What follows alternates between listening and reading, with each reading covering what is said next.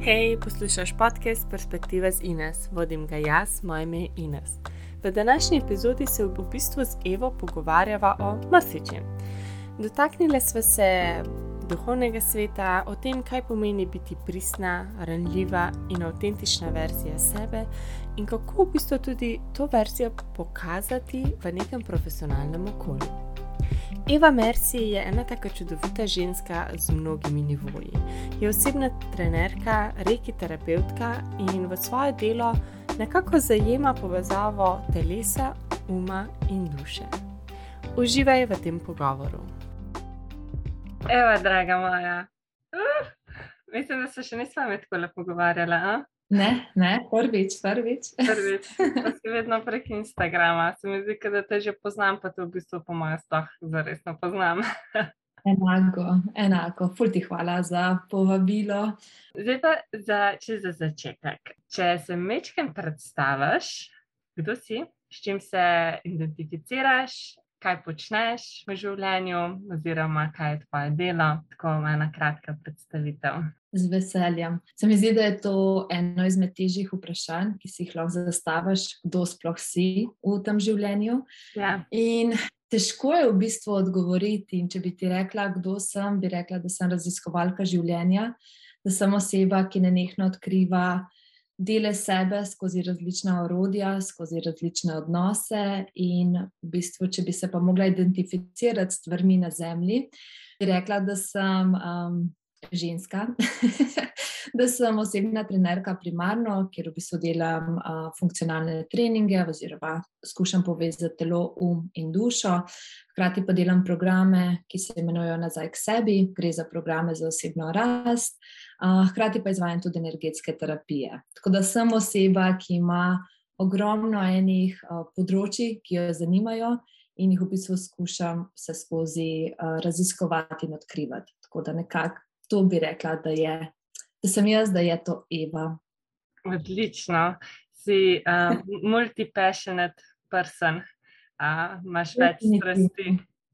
Mm, definitivno in v bistvu sem ful težko sprejela celo življenje, ta del sebe, ker sem se skozi se hotela dati v nek kalup uh, in v bistvu z eno besedo povedati, kdo sem.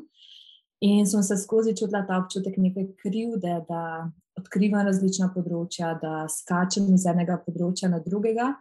In v bistvu šele potem, ko sem odkrila tudi določeno orodje, uh, human design, mi je pri tem pomagal, da v bistvu sem, sem rekla, v redu je, da si dovolim uh, vse to, v redu je, da raziskujem različne teme in nekako sama sebi sem dala to dovoljenje, da sem lahko vse to. Tako da definitivno bi lahko rekla, da me zanima ogromno enih stvari in področji. Mm, ja, s tem se lahko v bistvu poistovetim, ker jaz sem tudi um, celo življenje, veš pa tudi, pa, kaj si na faksu, pa tako si uno fokus, fokus, moraš se eno, toč, eno točkovno usmeriti, kaj boš počel, točno vedeti, a ne neki specializirati. Ne? Si začneš široko, ampak da se potem vedno znova zožaš. In ja, tudi jaz nikakor nisem v to notar padla, ker je bilo pač. Imam impulze, ki bi, ne vem, recimo se začela klavir učiti in bi si kupila klavir in bi to en teden počela in to bi bilo to, to ne. Ja, točno to je za mesta. Ja, in pa, pa imam spet obdobje, ne vem, kako si sama rekla, sem tudi uh, s human design, ki sem spoznala, sem imela po mojem dva tedna, ker sem bila čist noter. Čist noter, uh -huh. ful me zanima in zdaj sem tako, eh. V redu bo, ne? Ampak tako, a veš, v njih dveh tednih sem mislila, ja, to je to, to bi tudi jaz hotela, mora biti začet, pa veš, tako. Ne, sem najdla še en del, ki me bi lahko delam, pa pa mhm. ugotovim, da to ni. Ne? In jaz pa se opazim, da s tem tudi pride um, malo frustracije zraven. Zato, ker je tako, ah, zakaj se že ne morem specializirati, zakaj nisem, ne vem, samo svetovalka simptotermalne metode. Zakaj, ker, ker to je neki taken um, varen mehurček, katerega lahko tudi obesedim, predstavim Medtem ko ostale aspekte, kot si tudi sama rekla, da delaš energijske terapije, ki mi boš definitivno malo več povedala o tem. Ne, te ostale aspekte pa malo težko ubesediš, pa predstaviš ljudem, kaj ti si. Ne? Ker mm. težko je tudi sploh nalepke dati gor. Jaz tudi nalepk ne maram, ampak mi je pa taka ena zanimiva istočnica za začetek pogovora, kaj se ti upisuješ, kdo si. Ne? Tako da, ja, rekla si, da delaš energijske terapije. Kakšne energijske terapije pa delaš to? Joj, klej spet, kako v besedi ta, to, kar delam. Um, rekla bi, da so predvsem to rejki terapije, uh, kjer pa skušam v bistvu vsa ta različna orodja, ki jih poznam, nekako dati v neko celoto. Definitivno je odvisno od stranke, ki jo imam, ampak navadno deva reči, se gleda terapija nekako tako, da začnem z nekim pogovorom, da v bistvu vidim sploh, kaj namera, zaradi katere je oseba prišla na najno srečanje, potem greva v neko meditacijo. Ker verjamem, da samo s pogovorom ne moremo priti do takih globin, kot si želimo prijeti, torej greva potem tudi iskati neke podzavestne vzorce, neka prepričanja in v bistvu to na nek način reprogramirati. Potem pa v bistvu zadnji del je pa ta, torej rejki terapija, kjer pa v bistvu na energetski ravni še skušava telo da reči nekako dati v nek center in odstraniti tiste prepreke, ki so mogoče na nekem višjem, ne samo fizičnem telesu, ampak tudi na nekem energetskem nivoju. Tako da v grobom nekako je tako, ampak tako kot sem rekla, skušam res prilagajati stranki, intuitivno začutiti, kaj potrebuje. Ja, v bistvu prilagoditi njej proces dela. Ok, imam dve pod vprašanje. Eno je, se rekla, da greš v mhm. meditacijo in da v bistvu potem na nek način reprogramirate. Kako, mislim, kako to misliš, reprogramirate? A je to z nekim, da zamenjaš neko miselni vzorec, ali da poiščete, kaj je vzrok tega miselnega vzorca, kako to v bistvu zgleda? Ja, v bistvu največkrat se skuša najti nek vzrok oziroma nek spomin. Uh, bom dala konkreten primer, da je reč, da se sooča s tem uh, ne samo zavestjo, recimo, uh -huh. in mhm. potem v bistvu je moje vprašanje, um, odkje izhaja ta samozavest. Vemo, da do sedmega leta se izoblikuje naša podzavest, naši vzorci in prepričanja, in v bistvu um, kam te popelje podzavest, ko skušavate pogledati, odkje ta ne samozavest izhaja. Lahko gre tudi za kasnejša leta, da se razume, lahko gre tudi za najstniška leta. Ne? In v bistvu potem direkt iti v, v ta center in pogledati, kje je bila tista situacija, tisti spomin, ko se je to začelo. Lahko gre za več spominov, ampak mogoče tisti um, nek primarni spomin. Greva pogledati, ja, pa potem v bistvu, kaj se je dogajalo in kako podporo bi ti takrat potrebovala, zato da bi ta situacija se zgodila drugače, da ne bi vplivala kasneje na tvoje življenje. Ker kot vemo, situacije se dogajajo, lahko gre za neke mikro stvari, ki se zgodijo, mogoče neka beseda, ki ti jo nekdo reče, pa v bistvu to ostane v tebi in te potem zaznamuje za naprej.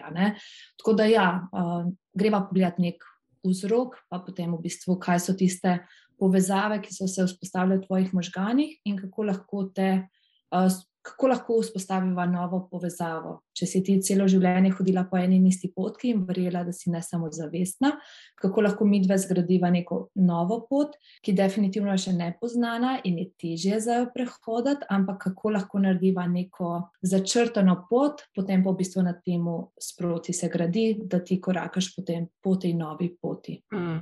Uh -huh, okay. In si pa predstavljam, da v bistvu s to zadnjim tem energijsko terapijo, ki jo nudiš, pa v bistvu glih ta osnutek te poti narediš, ne? Si predstavljam skupaj z, z, z stranko oziroma klientom. Pogledava torej na te energetske ravni tudi, kje so neke blokade, recimo, da, reč, da si ne samo zavestna, se ponavadi pokaže na našem energetskem nivoju, torej na počakrah, po energetskih centrih. In navadno gre potem za to solarni pleksus, kjer v bistvu se pokaže potem tudi ja, na energetskem nivoju neka blokada in te skušam kle podpreti, pa v bistvu to blokado nekako, um, da reč, razrahljati ali jo vsaj malo odstraniti, zato da potem so, uh, da je večja pretočnost tudi v telesu. Uhum, da lažje to v bistvu novo spoznanje integriraš fizično v telo. Tako. Uhum.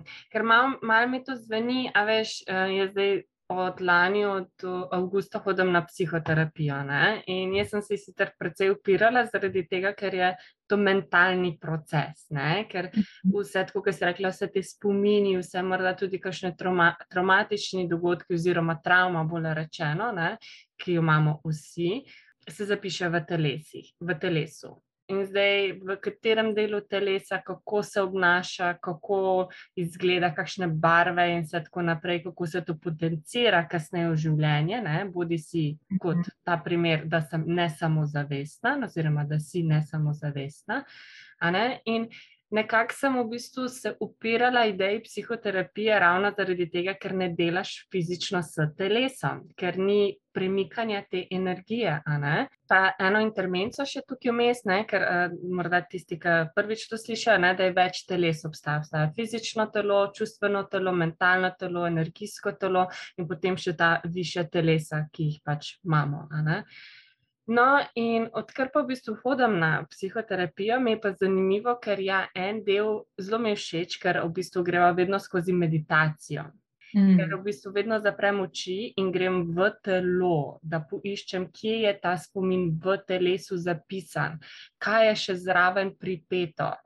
In um, Ja, zanimiva mi je pa potem ta ideja, da v bistvu na energijskem nivoju spostaviš novo povezavo s tem, ker mora biti ta element potem mečken zmanjka pri sami psihoterapiji, oziroma je bolj na tebi, da to potem, ko prideš domov, da integriraš to noter, da probaš, aha, ok, to sem zdaj spoznala, to izhaja iz tega, vem, da je lahko drugače, začutila sem tudi v telesu, da je lahko drugače kako se lahko še podprem, da sem na tej novi poti.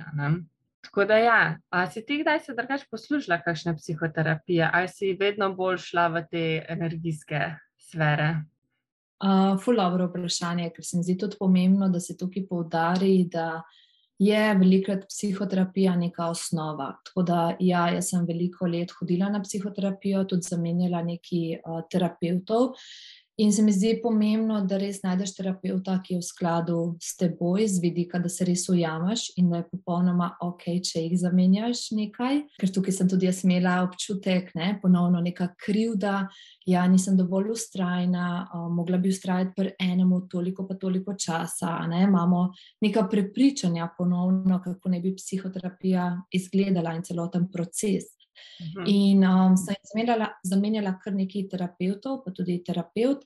In dejansko je bila to za me zelo pomembna osnova, ki mi je potem dala neke temelje za raziskovanje naprej.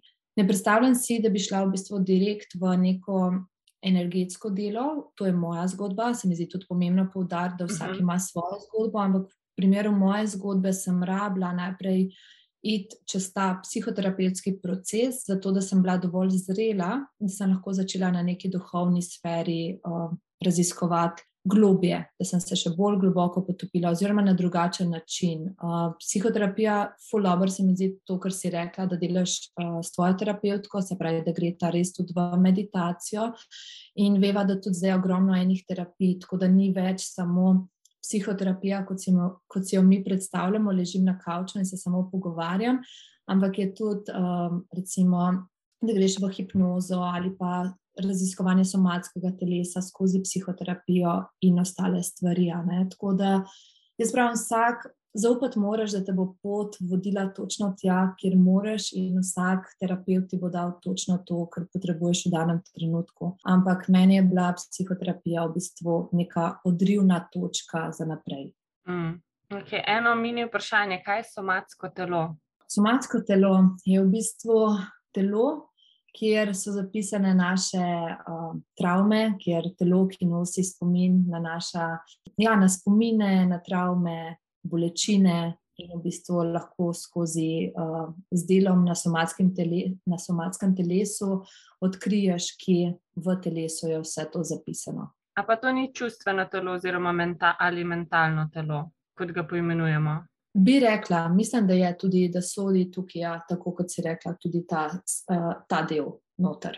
Uh -huh, uh -huh, okay. Ja, jaz pa, jaz pa mečkam nasprotno zgodbo kot ti, glede tega. Ne? In zelo fino, da si podarila, da ja, vsak ima svojo zgodbo, ker vsak v bistvu življenje vodi, do kam pač moraš priti in kaj moraš predelati. Jaz sem pa v bistvu, ker sem um, tako zelo bila, oziroma sem še na momente izgubljena in odcepljena od sebe na nek način na, ali pa na nekem področju, da v bistvu, pa ker v življenju nisem doživela zares varnega okolja, dokler nisem čist na samem živela nekaj let, pa da sem si to sama ustvarila, ga v bistvu zares nisem nikoli doživela. Ne?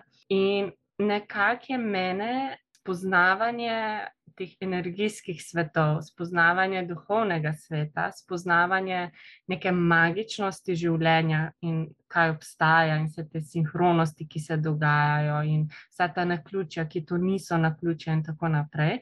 Vsem tem sem si v bistvu lahko ustvarila tako varen mehurček, balonček, ki mi je potem dal dovolj občutka varnosti, da sem pa lahko, naprimer, šla na psihoterapijo, da sem bila, ok, zdaj pa lahko grem, zato ker ne je bil pal feeling, nisem sama v tem, ker imam neko duhovno podporo.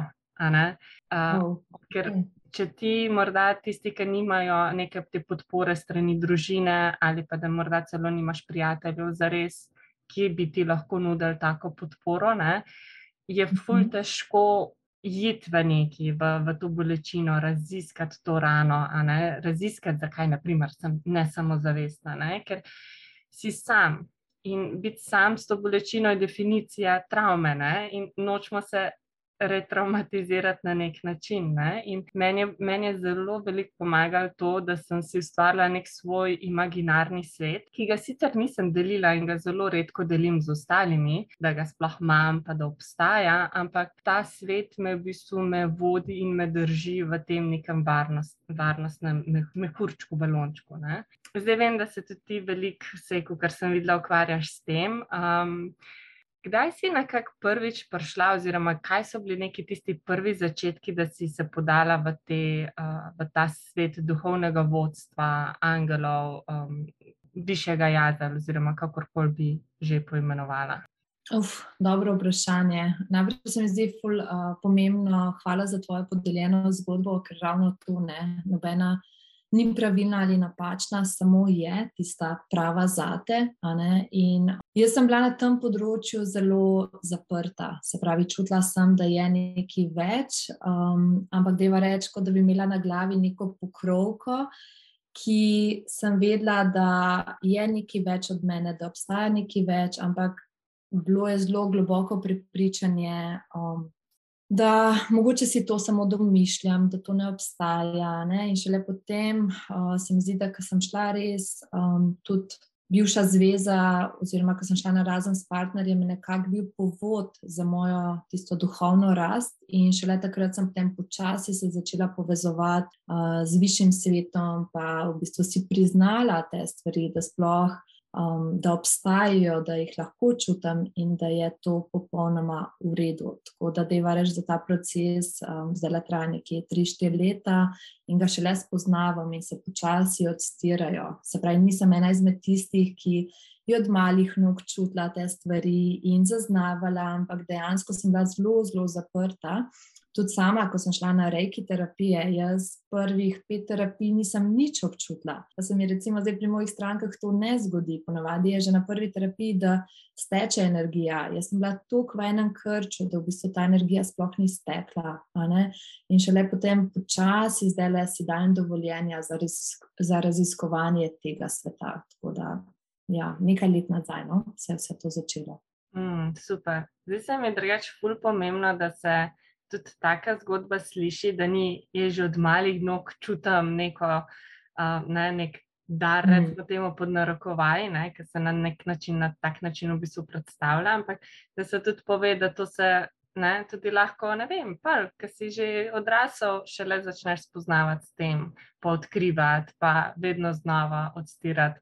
No, Novo zaveso ali pa nov delček tega sveta, ki obstaja. Um, mm. Tako da to se mi ja ful lepo v bistvu zdi, da si to povedala. Hvala. Ja, prosim. Um, na katerih področjih svojega življenja bi rekla, da si tako že integrirala to pristno, avtentično sebe? Lahko tudi malo začneva s tem, kaj za te pomeni, da si pristna, oziroma kaj za te pomeni, da si avtentična, pa morda iz tukaj začneva. Um... Dejva, dejva. Uh, dobro vprašanje, ker veliko časa sem se ukvarjala s tem, kdo sploh uh, je avtentična um, mm. Eva, kdo sploh sem jaz kot pristna oseba. In je bila to the team of my life, bi temu rekla, ne. ker v bistvu sem vrhunska v tem, da sem pred različnimi ljudmi dajala neke različne maske, ki so vse bile avtentične. Težko rečem, da katera od njih ni bila. Uh mhm. -huh. Ampak zelo dobro sem prebrala energijo na drugi strani in glede na to se prilagodila in pokazala tisto verzijo sebe, ki sem vedela, da bo sprejeta na drugi strani. Uh -huh. Se pravi, želja po ugajanju, po tem, da me sprejmejo in šele. S tem delom na sebi, z odkrivanjem um, kdo sploh sem, sem si nekako počasi dajala dovoljenja, da sem točno taka, kot sem, torej da sem avtentična jaz in da si dovolim izraziti vse, vse dele sebe, se pravi, tudi tiste temačne dele, da sem tudi takšna, pa takšna, da nisem vedno, jaz tam upravljam samo love and light, ne? se pravi, niso samo v meni tisti pozitivni deli osebnosti, ampak skrivam tudi marsikatero, um, da je reč, težje sprejemljivo lastnost, ki jo jaz sem težje sprejela, pa tudi družbeno, recimo. Tako da za me biti avtentičen pomeni delovati v skladu s tem, kar čutiš v danem trenutku. In največji feedback je, recimo, ko dobim um, tudi od druge osebe na drugi strani neko zaznavo te pristnosti. In to pomeni, da sem res v danem trenutku točno to, kar sem, da si dovolim biti ranljiva in konec koncev, da si dovolim tudi um, zafrkati stvari, pa hkrati sprejeti potem odgovornost, pa reči, hej, to pa ni bilo ok. In um, zaznavam se v odnosih, kako še vedno me vrše v določene vzorce, v določene stvari, ki jih mogoče težje pogotnem pri sebi, ampak razlika je ta, in to je za me duhovnost, da sem začela prevzemati odgovornost za to, kdo sem v vsakem odnosu in da si rečem, hej, ja, oprosti, oprosti, ker sem te prizadela in to ni bilo prav. Um, kaj potrebuješ zdaj z moje strani, zato da lahko izboljšam sebe, zato da izboljšam to situacijo. In to je tista avtentičnost in pristnost v odnosih, v vsakodnevnem življenju, da, ja, da si dajem dovoljenja, da sem to, kar sem, v vseh otenkih. Mm. Če odgovorim na tvoje vprašanje, kje sem ta verzija sebe, bi lahko rekla, da se trudim biti na vseh področjih, torej na profesionalnem nivoju, pa hkrati tudi na osebnem nivoju, čez odnose, in da ne igram neke razsvetljene osebe, ker to nisem ja. in je to moj ego, uh, ki hoče biti, ampak da. Povem na glas in rečem, da tukaj imam pa še ogromno enega dela, ampak vidim, um, vidim sebe pred desetimi leti, pa kje sem zdaj in vidim to razliko in čutim, da se trudim biti boljša oseba, čutim, da skušam v odnosih drugače delovati in to je za me. To je za me tista največja zmaga trenutno v mojem življenju, da si lahko rečem, v redu sem, vse je dobro in v redu si točno taka, kot si tukaj in zdaj. Mm, lepo povedano, res si lepo obesedla. Hvala. Um, ja, ker se mi zdi, da tako zelo to, kar si rekel. No, uh, eno je, itek se skozi spremenjamo, sploh ženske, ki smo ciklične, ne, nismo konstantno iste. In že tukaj je to sprejemanje oziroma dovoljevanje, da je konstantna sprememba v počutju, v potrebah, v željah, v mejah, v, v tem, kaj, kaj želiš dati, kaj ne želiš dati vse te stvari. In potem drugi del je, kar se mi tudi zdi zelo premalo krat izgovorjen, oziroma se vse govori, ampak ne daje se tu teže. Je to, da ne, se mi zdi, da res, ki enkrat začneš poslušati sebe. Jaz sem to spoznala skozi spremljanje svojega cikla, pa skozi to senziplan metodo, da sem res stopila v stik sama s sabo, da sem res začutila, kje sem v telesu, kako se počutam, kaj, kaj sem, kaj občutam. In jaz sem imela na začetku, pa še zdaj imam, kdaj precej ne težav, ampak upora, do tega, da izrazim določen občutek. Naprimer, upor do tega, da, da izrazim, da me je sram, ali pa upor do tega, da izrazim, da se počutim, da, nisem, da se počutim manj vredno, ali pa upor do tega, da se počutim, da maybe nisem zares sposobna, ali pa upor do tega, da se čutim, da to idejo, to vizijo, ki jo imam. Glede ženskega cikla, glede tega profesionalnega nivoja, recimo temu pod narekovaji, da, ni, da, da ne morem tega dosegati. Ne? In se mi zdi ful težko, sploh v tem, tukaj se reka, ne prenašati sebe pristno v vseh teh odnosih, tako v osebnem nivoju, kot profesionalnem. Ker se mi zdi, da recimo temu v tem nekem profesionalnem svetu je pričakovana neka meja, neka diskrepanca med tabo in mano. Ampak ugotavljam, da baza vseh povezav, no, baza vseh emocij, tudi, tudi Brené Brown pravi, baza vseh emocij je v bistvu ranljivost. Da si ranljiv, da si dovoliš, prvič, da si dovoliš izraziti to emocijo, da si želiš začutiti to emocijo, in da jo potem tudi, če želiš, seveda podeliš. In s tem, ko greš v to, s tem, ko si ranljiv, se v bistvu vzpostavljajo povezave. In če gledamo v svetu, kjer mi krepenimo po teh povezavah, a istočasno tudi v tem nekem duhovnem svetu delamo tam zid med tem, da nismo zares pristni, ko pridajo te temni deli ven. Teže emocije, jeza, ne vem, kakorkoli, ki, se, ne, ki ni tako dobro sprijeta v družbi, ker spet mora biti vse pozitivno, vse mora biti love and light. Ne. In se mi zdi, da je tako, jaz se precej lovim tukaj, kje je meja na nek način, kaj je ok, kaj ni ok podeliti, kdaj se preveč čutim, da, kdaj, kdaj premalo. Pa je malo težko, tako se mi zdi, da kar precej žongliram med tem, kako v bistvu jaz lahko sem še bolj pristna sama sebi in istočasno ustvarjam neko podjetje, ker si pač želim veliko podjetje ustvarjati, jaz imam veliko vizijo in se včasih zdi, da je ta vizija absolutno, itak je ta vizija pre, prevečja od mene, kot jaz sem. Se mi zdi, ta vizija je za deset življenj. In tukaj si rekla, da, da si na profesionalnem, recimo, tem področju prenesla sebe pristno. Kako si v bistvu ti ta, ta glič oziroma to to oviro, to diskrepanco na, na nek način premagala? Kaj ti je v bistvu pomagalo pri tem, da si prišla do tega, da si lahko še bolj pristna, tudi v nekem profesionalnem okviru? Jaz mislim, da se še vedno soočam s tem, se pravi, dokje ne izpustim to ranljivost v profesionalnem uh, odnosu do strank. In veliko časa sem preživela v tem prepričanju, da če hočem biti profesionalna, da moram biti, uh, da je reč, nad Ne, tako kot si mm. rekla, uh, nad svojo stranko, nad to osebo. Jaz moram biti tista, ki je že pozdravljena, ki je šla čez vse te stvari. Ampak dejstvo je, da sem samo človek, ki se mu ravno tako zbujajo stvari. Ampak razlika je ta, da se zavedam, da vsak dan skušam sebe spremenjati in ker vem, da delam vsakodnevno na sebi, um, lažje pokažem tukaj sem zdaj. Se pravi, za me je to v profesionalnih odnosih pomenilo, da, um, da sem prišla iz tega, kot so me učili. Se pravi, če hočeš biti profesionalen, ne smeš govoriti o osebnih stvarih, mm. ampak bodi.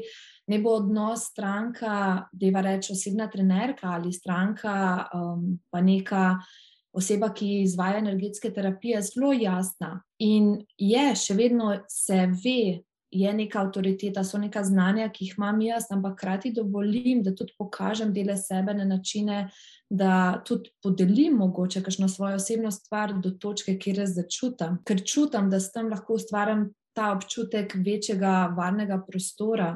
In pri tebi se mi zdi ravno to, kako te jaz zaznavam, sploh v zadnjih mesecih, res uh, pristno tebe. Se pravi, da še vedno imaš vsa znanja in jih uh, tudi deliveraš, in si zelo profesionalna, ampak hkrati pa, hej, tudi jaz se soočam s temi stvarmi kot ti in v bistvu čutim tvojo bolečino. Na nek način sem jo že predelala, ampak en del mene lahko še vedno v tej.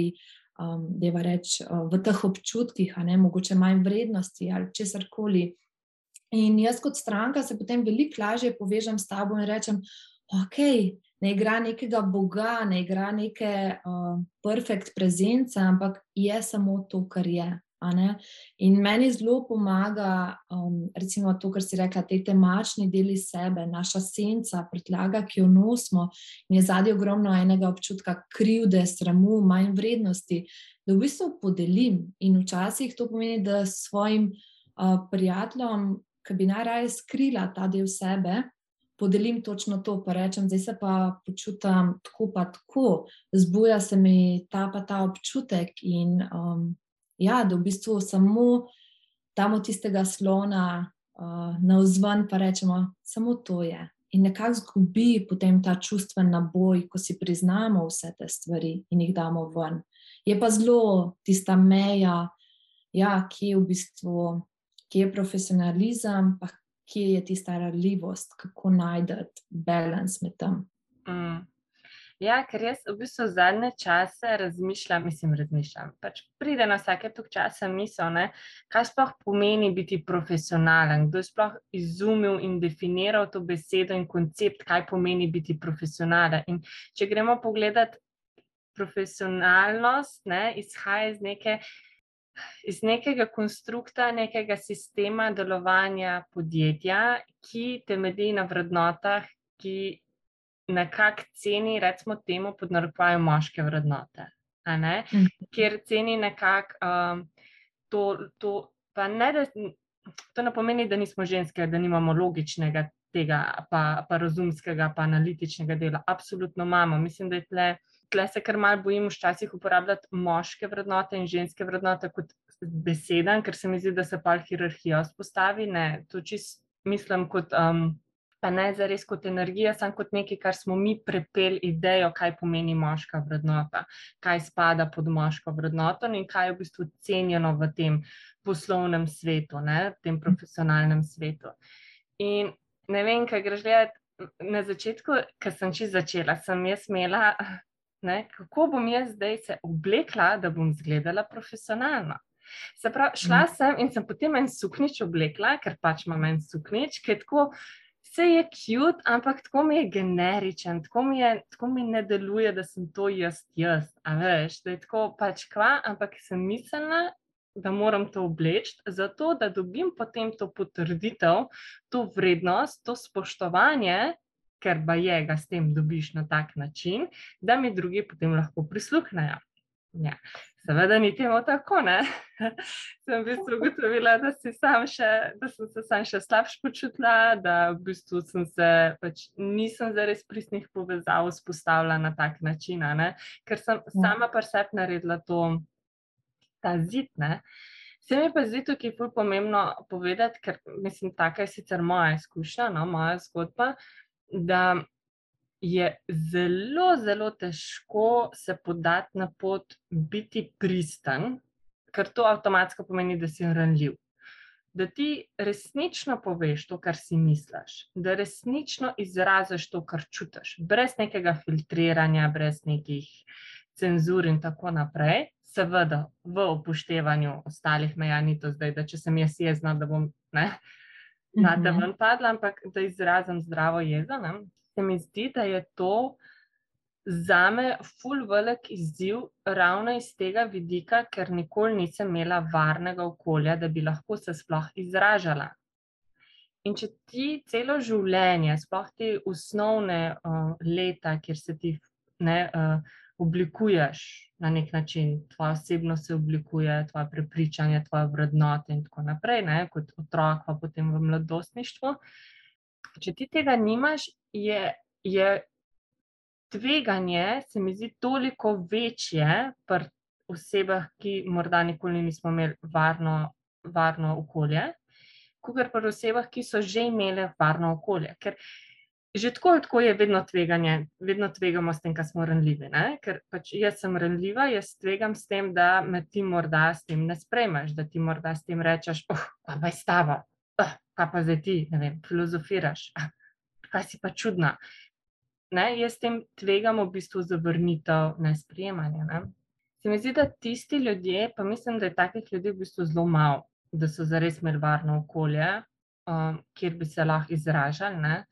Da se nekako lažje, lažje so ranljivi, tega, ker ta baza, ki so ranljivi, ni potem osebno na njih, ker je ta samozavest že toliko zgrajena, da pač, hej, to sem jaz, povem, kaj si mislim, pač mi je čisto vseeno, kaj si ti misliš na nek način, ne, do neke meje, kukar pa za tiste, sej to jaz zase govorim, kukar pa naprimer za me, ker je, je ta koncept, kaj boš ti rekla, kako se boš ti odzvala, mi je to bolj pomemben, ne, da mi morbit ne bo zrušil zdaj teh mojih temeljev. Ne.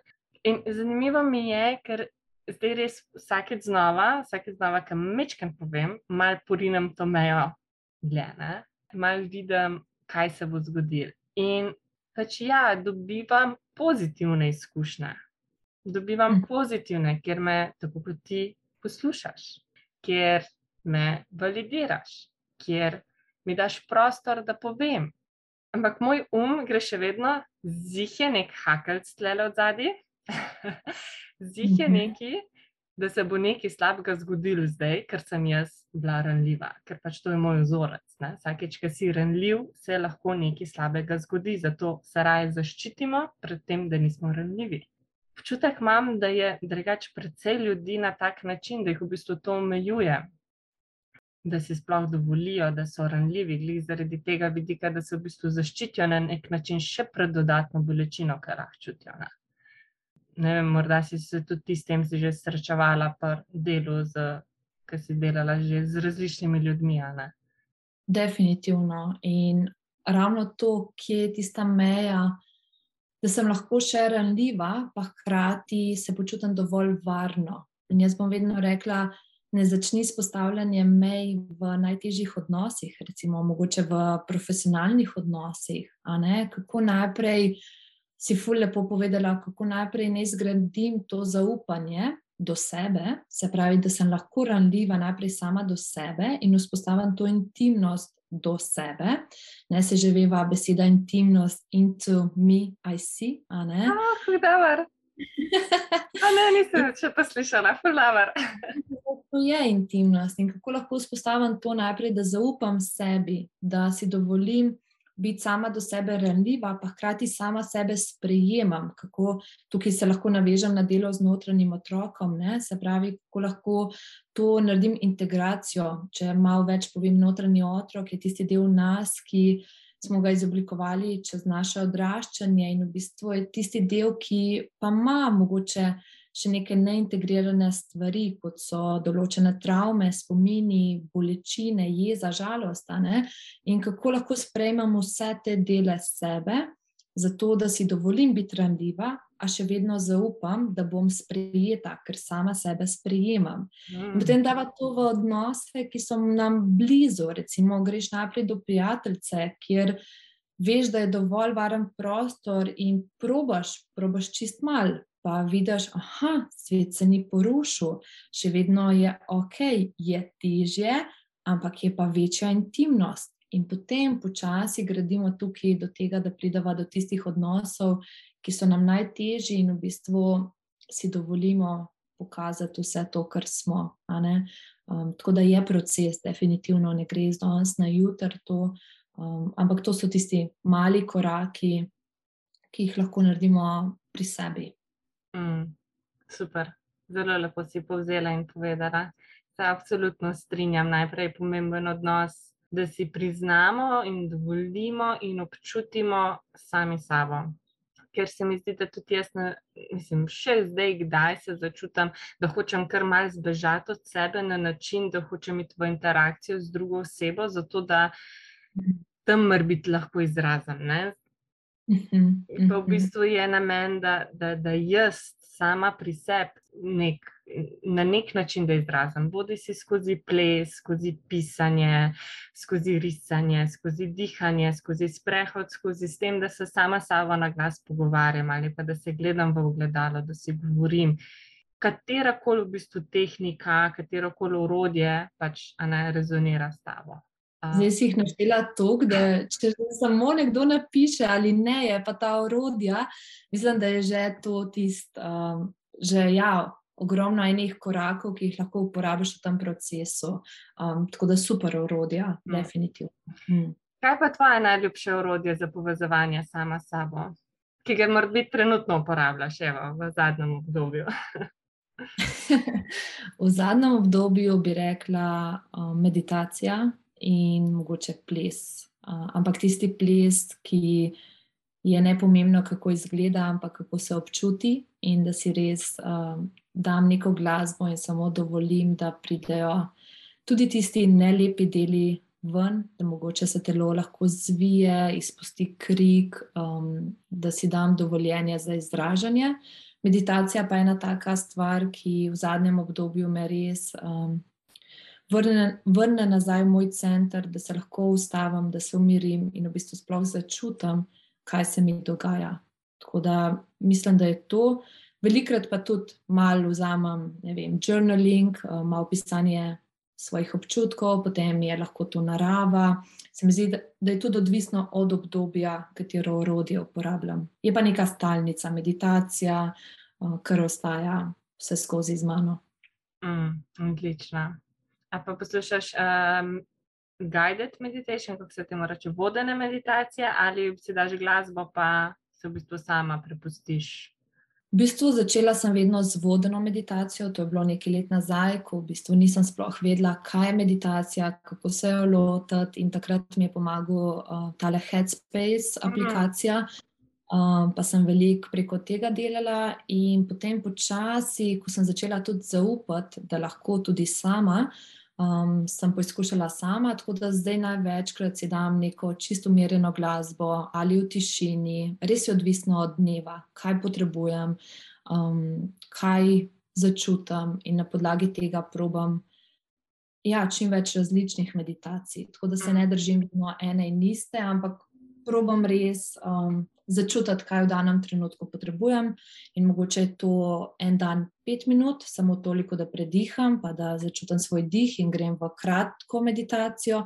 Včasih pomeni to, da lahko sedim eno uro sama s sabo, res odvisno od. Um, Kje v življenju sem. No? Ampak mogoče eno super orodje, ki mi je prej tudi padlo na pamet, pa se mi zdi fajn, da ga mogoče podelim, ker se tudi sama soočam s tem, da velikrat bi zbežala od svojih občutkov in takrat probam zaznati, da se mi nekaj dogaja. In največkrat pri meni se to pozna, da ko je nekaj v mojem notranjem svetu, postanem uh, v angleščini agitated, se pravi razdražljiva. In v bistvu sem se že naučila, da uh, takrat, ko se mi to zbudi, si rečem, ah, zdaj pa se moram res usesti, pa začutiti, kaj je zadnji ker velikrat za neko jezo je pri meni žalost, neka bolečina. In uh, moje zelo preprosto orodje je, da si oblečem neko majico s čustvi in v bistvu začutam, si dam recimo timer 5 minut in si dam dovoljenje, da to majico z vsemi temi občutki, ki so trenutno v meni, oblečem in začutam. In v bistvu samo dovolim, ker vem, da te občutki ne bodo z mano za cel dan. Tudi se mi zdi pomembno, velikrat uh, si je treba vzeti pauzo od dela na sebi, od čutenja mm. stvari. In v bistvu je oblečen to malce za pet minut, potem ko timer ugasne, jo slečem, rečem hvala za vsa spoznanja, hvala za vse, kar ste mi predali, ker so mi predala ta čustva in v bistvu to malce potem samo odložim, še vedno je tam nekje in lahko jo potem čez eno uro nazaj oblečem, ali čez dva dni, ampak da ne bežim od teh občutkov. No? Tako da, ja, meditacija je neko tako urodje, pa da oblečem majico s čustvi. Oh, to, bom pa, to bom pa uporabljala, to majico s čustvi. Zelo preprosta orodja. A veš, na koncu se ne gre za um, neka težka orodja. Mi velikrat se ne upamo sploh spustiti v te stvari, kaj pa če ne bom meditirala prav, kaj pa če ne bom uh, počela tega, pa tega na pravi način. In v bistvu ravno to, lahko so res preprosta orodja. Um, recimo tudi dihanje, ki meni zadnje čase zelo pomaga, je samo to dihanje imenuje se uh, box breathing, torej da probam recimo 4 sekunde vdih, zadržim 4 sekunde, 4 sekunde izdih, 4 sekunde zadržim. In to parkrat ponovim, samo da se zresetiram, ker prej sem vedno bila, ja, pa Wim Hof, pa moram na tak, na tak način dihati. Hej, ne, dovolj je samo, da narediš malo bolj zavesten vdih, malo bolj zavesten izdih in je že to vse. Tako da ni nam potrebno komplicirati. Mm, res je, ja uh, lahko zelo preproste stvari. Pa sploh, um, kot si reka, uh, vse v bistvu, kar naredimo, je prav, ne glede na to, ali mislimo, da je prav ali narobe. Ja, ja. Če se vzamemo tistih pet minut, da gremo v naravo, na kakršen koli način gremo v naravo, je ok in je v bistvu prav za nas. Uh, super.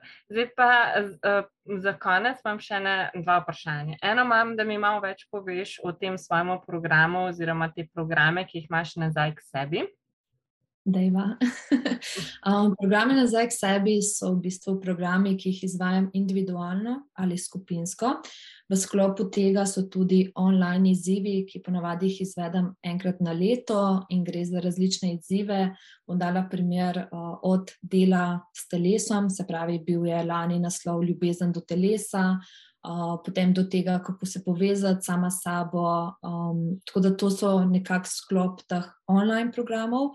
Potem pa v bistvu znotraj tega um, sodijo torej individualni programi, kjer grem stranko pogledati, kaj so njene potrebe v tistem trenutku, in na podlagi tega skušam um, torej prilagajati program. Začneva vedno z nekimi, da rečem, temu osnovami, od um, torej tega, kje se nahaja trenutno v njenem življenju, kje so področja, da si želi um, izboljšav in lahko to pomeni od delo s sencami, delo z notranjim otrokom, potem konkretno tudi mani, torej odnos do denarja, mani mindset, um, do tudi tega povezovanja ženska v sebi, kako se lahko še bolj povežem z maternico, svojo juni. Um, skratka, probujem res vedno prilagajati um, individualnim potrebam. Potem pa je, tako kot sem rekla, še skupinsko, ki pa poteka ali v živo, um, ali včasih tudi online, in je res odvisno od tega, kaj je trenutno aktualno. Bilo je že um, točno to povezovanje s seboj, meditacije, tudi nekaj yoga oziroma gibanje. Tako da znotraj tega skušam vedno, kako povezati telo in um, pa hkrati dušo in um, plut uh, v teh vodah uh, podzavesti in osebnosti. Odlično, odlično. Se bom dala tudi um, v opisu spodaj tvoje povezave, tvoje linke, tako da tisti, ki jih to pokliče, bojo lahko tako uh, našli in kontaktirali. Um, pa še eno vprašanje. Uh, kaj počneš ti za prvi dan menstruacije? kaj počnem jaz za prvi dan menstruacije? Skušam početi čim manj in si ta dan vzeti zase. Bom pa čisto iskrena, da še nisem tam, kjer si želim biti. V mojem idealnem svetu bi res uh, vnaprej ta dan bil točen na datum, velikrat se mi mal spremenja. Zdaj sem full vesela, ker dejansko je na luno, uh, pa to ne pomeni, da je ne dobro, ne slabo, nis, ne, uh, ampak ker vem, da je na luno, si lažje zorganiziram stvari. Tako da skušam biti takrat bolj v stiku sama s sabo, mogoče planirati menj stvari. In uh, včasih pomeni to, da ne pišem pismo svoji uh, menstruaciji, včasih pomeni to, da uh, si dovolim vzpostaviti stik s svojo krvjo, uh, mogoče pomeni včasih dolga kopel. Tako čist po občutku. Včasih malo pozabim na te stvari, pa se potem spomnim, ampak za me je največji dosežek to, da nimam več bolečin pri menstruaciji, da odkar počnem vse te stvari, dejansko sem bolj usklajena s svojim ciklom in posledično so tudi menstruacije. Samo tisti čas, ki me potegne nazaj vase, ko je moja intuicija močnejša. In če zaznam, da sem v tistem času eh, razdražljiva ali da pridejo neki občutki, je to samo pokazatelj, da ta mesec pa nisi bila tako stiku sama s sabo, ta mesec, mesec uh, pa tvoja prehrana ni bila optimalna in v bistvu je samo tisto neko prepoznavanje, kje, kje je prostor za izboljšave. Super, tako nekako. Se tudi, če si um, Ne, ker res sicer vedno spodbujam spremljanje cikla, spremljanje cikla, ampak spremljanje cikla je obstaja na tisoče načina.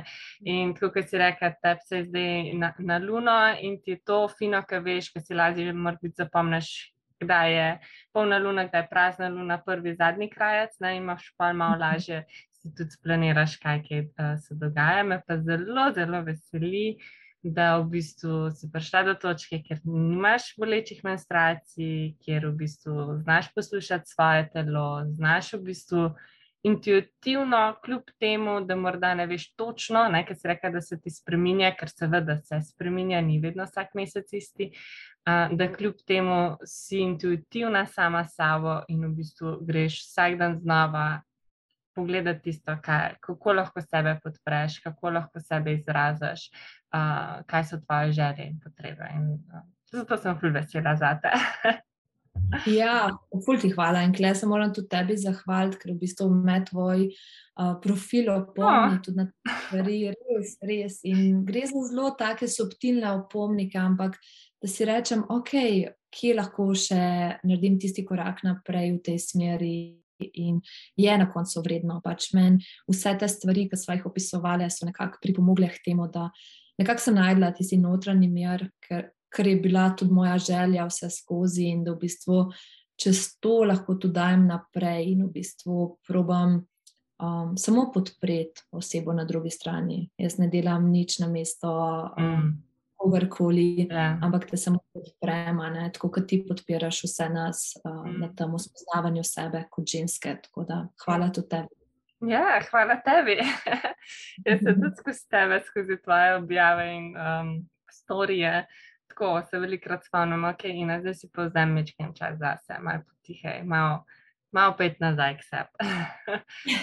nazaj k sebi, tako točno. Je super, Eva, najlepša hvala, da si si vzela čas, pa da si bila danes renljiva in uh, pristna in odkrita z mano. Uh, zelo cenim to. In ja, to je to. Ines, hvala tebi še enkrat in uh, hvala za povabilo. Ja, veš da. Poslušala si podcast Perspektive Zines. Namen tega podcasta je raziskovanje različnih tematik, tako tabu kot malo manj tabu. S teboj delim svojo perspektivo na življenje. Sem strastna raziskovalka, ljubiteljica menstrualnega cikla, sem tudi licencirana svetovalka za Sinziplen metodo in moja misija je predvsem prebujanje žensk. Če to zavibrira s teboj, če kakšen podcast začutiš, bom vesela tvoje delitve. Hvala za tvoj čas.